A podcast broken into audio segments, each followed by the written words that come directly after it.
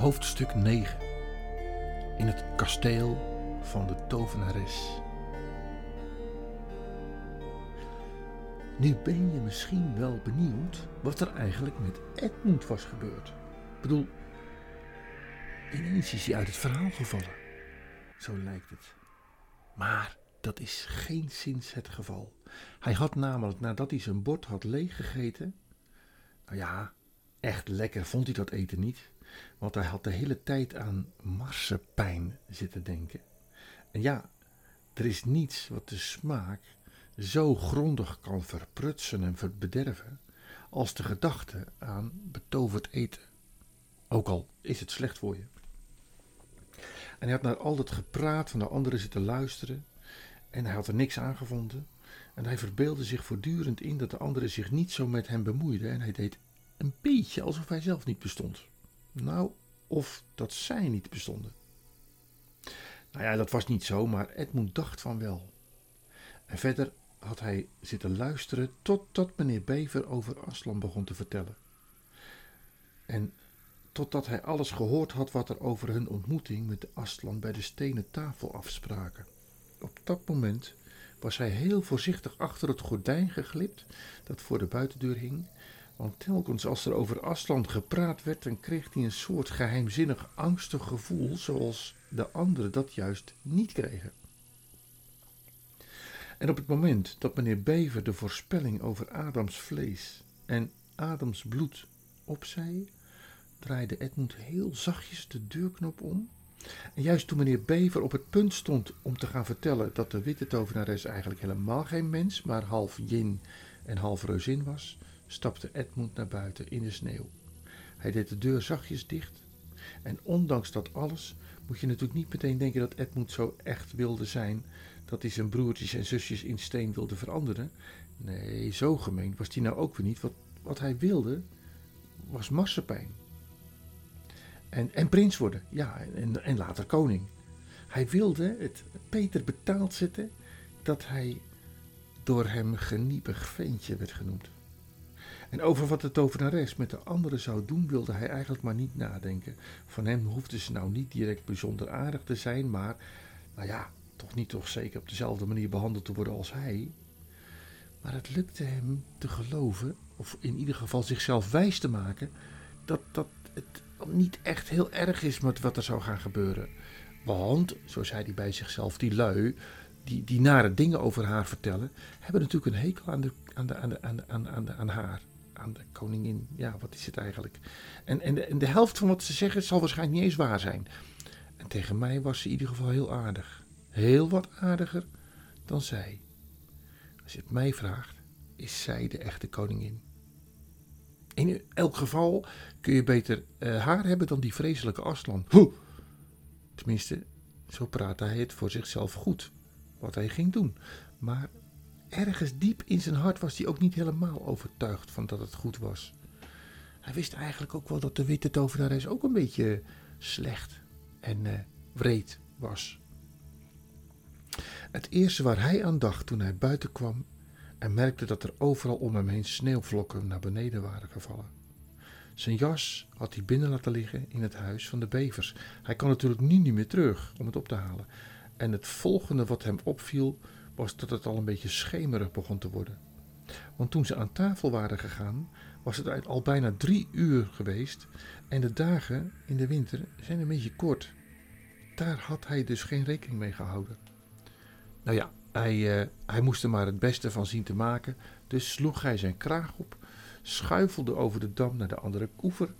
Gelukkig was hij niet meer zo, uh, zo glad, omdat er allemaal sneeuw op lag. Maar ja, het zat hem ook niet mee toen hij eenmaal aan de overkant was. Het begon snel donker te worden en daardoor was er overal om hem sneeuwvlakken uit de lucht komen vallen en hij kon ook daardoor ook niks meer zien. En bovendien was er niet eens een weg. Telkens gleed hij uit, zakte weg in hopen sneeuw, glibberde over bevroren plassen, struikelde over omgevallen bomen en schoof van steile hellinkjes af naar beneden, schaafde zijn schenen uit, aan uitstekende stukjes rots, totdat hij uiteindelijk helemaal doornat, steenkoud en vol blauwe plekken zat. De stilte en de verlatenheid in het bos maakten hem een beetje bang. Eigenlijk geloof ik dat hij het hele plan vast en zeker opgegeven zou hebben en teruggegaan. En, en alles bekend had. En het met anderen weer goed wilde maken. Als hij niet toevallig op dat moment hardop liep na te denken. Uh, als ik eenmaal koning van Narnia ben, ga ik eerst eens een paar goede wegen aanleggen. Dat is het. En natuurlijk begon hij daardoor weer te fantaseren over koning worden. En over wat er dan allemaal nog meer gedaan moest worden. En dat vrolijkte hem helemaal op. Hij was er juist met zichzelf over eens geworden wat voor paleis hij zou nemen, hoeveel auto's, een eigen bioscoop met een eigen tv, hoe dat eruit zou zien, spoorlijnen maken en, en, en, en wetten uitschrijven dat bevers geen dammen meer mogen maken. En het hele plan, uh, in ieder geval ook om uh, Peter onder de duim te houden. En toen ineens werd het heel ander weer. Het hield op met sneeuwen. Er stak een ijzige vrieswind op. En tenslotte schoven de wolken uit elkaar en daar kwam de maan tevoorschijn. De volle maan. En het werd zo licht zo in het donker. Op het sneeuw, dat leek wel daglicht, omdat al die sneeuw zo reflecteert dat het helemaal licht werd. Misschien weet je nog wel dat toen Edmund bij het huis van de bevers aankwam, een eindje verderop een kleinere rivier had gezien die in de hoofdrivier uitkwam. En als de maan niet tevoorschijn was gekomen voordat hij bij dat zijriviertje was aangekomen, had hij de weg nooit meer terug kunnen vinden. Of heen, of waar dan ook. Hij zou verdwaald zijn, maar nee, hij kwam precies op tijd bij het zijriviertje, sloeg af langs de rivier in de richting van de heuvels. En door het smalle dal waar het zijriviertje doorheen stroomde, was het steiler en rotsachtiger dan het dal van de hoofdrivier en op vele plaatsen was het dicht begroeid, zodat het hem in het donker van zijn leven niet was gelukt om vooruit te komen. En zelfs nu werd hij kletsnat, want hij moest nog steeds onder laag hangende takken doorkruipen, zodat er soms een heel pak sneeuw van afgleed en op zijn rug terecht kwam. En iedere keer dat dat gebeurde, kreeg hij een grotere hekel aan Peter. Net alsof Peters schuld zou zijn, die, die, die narigheid.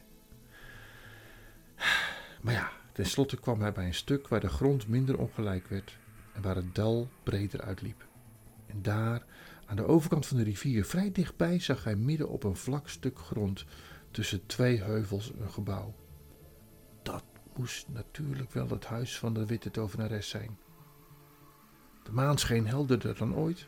En het huis kon je eigenlijk niet zozeer noemen, het was meer een klein kasteel. Het had ik weet niet hoeveel torens, allemaal kleine torentjes met puntige spitsen die vlijmscherp omhoog staken. Dat zag er heel bijzonder uit, als een soort tovenaarshoede. En ze glansden in het maanlicht en ze wierpen een vreemde lange schaduw op de sneeuw. En Edmund vond het wel een beetje eng. Maar ja, het was nu te laat om terug te gaan. Hij stak over het ijs en liep naar het huis toe. Dat bewoog niet. Nergens was ook maar het minste geluid te horen. Zelfs zijn eigen voetstappen waren niet te horen in de pasgevallen sneeuw. Hij moest een heel eind lopen. De ene hoek naar de andere om, de ene toren naar de andere voorbij, om de ingang te vinden. Hij moest helemaal om het kasteel heen lopen naar de achterkant voordat hij dat vond. Het was een enorm stenen poort met een groot ijzeren hek. Het hek stond open. Edmund sloop naar de poort, gluurde naar binnen. En op het binnenplein zag hij iets wat hem een hartverlamming van de schrik bezorgde. Daar binnen, net aan, net aan de binnenkant van de poort, stond een enorme leeuw in het maanlicht, in elkaar gedoken om, ja, alsof hij klaar stond om te springen. En daar stond Edmund nu in het donker, onder de poort met knikkende knieën, te bang om door te lopen, te bang om terug te gaan. Hij bleef zo lang staan dat hij, klapperend van de kou, bibberend van angst, ik weet het niet hoor, voor het, mijn gevoel stond hij daar een paar uur. Maar op het laatst begon hij zich wel af te vragen waarom die leeuw daar zo stil bleef staan. Want sinds Edmund hem voor het eerst gezien had, was hij nog geen centimeter van zijn plaats gekomen. Dus nu waagde Edmund het erop om een stapje dichterbij te doen. En al bleef hij nog wel zoveel mogelijk in de schaduw van de poort, nu zag hij dat de leeuw zoals hij daar stond, helemaal niet naar hem kon kijken. Had zijn kop omgedraaid, maar in werkelijkheid stond de leeuw te kijken naar iets anders, namelijk een dwerg. Dat iets meer op een meter bij hem vandaan stond. Met de rug naar de leeuw. Oeh, dacht Edmund, zodra die dwerg aanvalt, kan ik mooi ontsnappen. Maar er kwam geen beweging in de leeuw. En, en, ook niet in de dwerg. En pas nu schoot het Edmund weer te binnen wat de anderen over de witte tovenares hadden zitten vertellen. Je kon in steen veranderd worden. Oeh, misschien was die leeuw ook van steen. En terwijl hij dat bedacht, zag hij ineens dat er een laagje sneeuw op de rug van de leeuw zat. Eh, op de kop ook zelfs. Natuurlijk was het een standbeeld. Een levend dier zou zo nooit zo lang blijven staan en zich laten ondersneeuwen. En toen waagde Edmund het om voetje voor voetje met een luid bonzend hart naar de leeuw toe te sluipen. En zelfs nu durfde hij hem nog niet aan te raken. Maar tenslotte stak hij heel vlug zijn hand uit. Wat voelde dat standbeeld koud. En wat had hij zich bang laten maken door een gewoon standbeeld. Hij was zo opgelucht dat hij ondanks de kou opeens van top tot teen begon te gloeien. En op datzelfde moment bedacht hij iets dat hij een prachtig idee vond. Hmm, dit is natuurlijk die, uh, die geweldige leeuw, die uh, Arslan, dat is hem. Ja, daar hadden ze het over. Ze heeft me natuurlijk te pakken gekregen. In, in, in steen veranderd. Nou, dat wordt niks met al die fantastische ideeën van ze. wie is er nou bang voor Aslan? Even stond hij met leedvermaak naar de stenen leeuw te kijken. En toen deed hij iets doms en kinderachtigs. Hij haalde een stukje potlood uit zijn broekzak, krabbelde een snorretje op de bovenlip van de leeuw en daarna nog een brilletje om de ogen. Gekke oude sok. Aslan is een sok, hihihi, met een stukje steen. Nou, wel een beetje kinderachtig van hem. Maar zelfs met Edmunds potloodkrabbels erop het stenen gezicht van het geweldige dier zag het er nog gevaarlijk, treurig en vorstelijk uit zoals het daar stond. En Edmund had er eigenlijk geen plezier meer in om het dier belachelijk te maken. Hij draaide zich om, liep naar het binnenplein. En toen hij op het binnenplein liep, zag hij dat er overal standbeelden stonden. Heel veel. Het leek wel een schaakbord met allemaal typische dieren. Uh, satiers, wolven, beren, vossen, linksen. Allemaal van steen. En er stonden ook hele mooie figuren bij die op vrouwen leken, maar in werkelijkheid waren dat geesten van bomen. En er stond een heel grote centaur met een gevleugeld paard erbij en een dier met een lang gekronkeld lijf, dat volgens Edmund wel een draak moest zijn. Het zag er zo vreemd uit. Zoals ze daar met z'n allen in het heldere, koude licht van de maan stonden, zo levensecht en toch zo stil, dat Edmund er gewoon kippenvel van kreeg. Toen hij de, de binnenplaats overliep. En precies middenin stond een geweldige gestalte. Het leek op een man, maar hij was wel zo groot als een enorme grote boom. Hij had een woest gezicht, een ruige baard en een zware knots in zijn handen. Zelfs al wist Edmund dat het maar een reus van steen was, hij voelde zich niet helemaal op zijn gemak. En nu zag hij schemerig licht naar buiten schijnen door een deuropening aan de overkant van de binnenplaats. Hij liep er naartoe. En er liep een stenen trap naar de deur. En dwars over de drempel lag een wolf. Nou ja, die zal ook wel van steen zijn.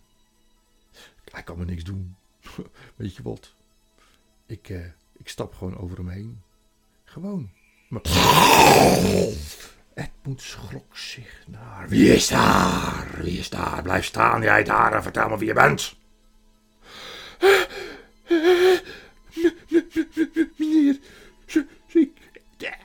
Edmund, ik ben een zoon van Adam. Sarah maar, Sarah Maai is, is, me tegengekomen in het bos. En ik kom met de boodschap dat mijn broer en mijn zusjes ook in Narnia zijn. Niet zo hier ver vandaan, bij het huis van de bevers. En ze wilde me spreken. Ik zal het Hare Majesteit vertellen. En jij blijft hier staan, zolang op de drempel, als jij jouw leven lief is. En de wolf verdween het huis in. Edmund bleef staan wachten. Zijn vingers deden pijn van de kou. Hij voelde zijn hart kloppen. Hij had het niet koud, had het niet warm, had helemaal niks. Hij wist... Daar kwam de wolf weer aan. Maugrim, het hoofd van de geheime politie.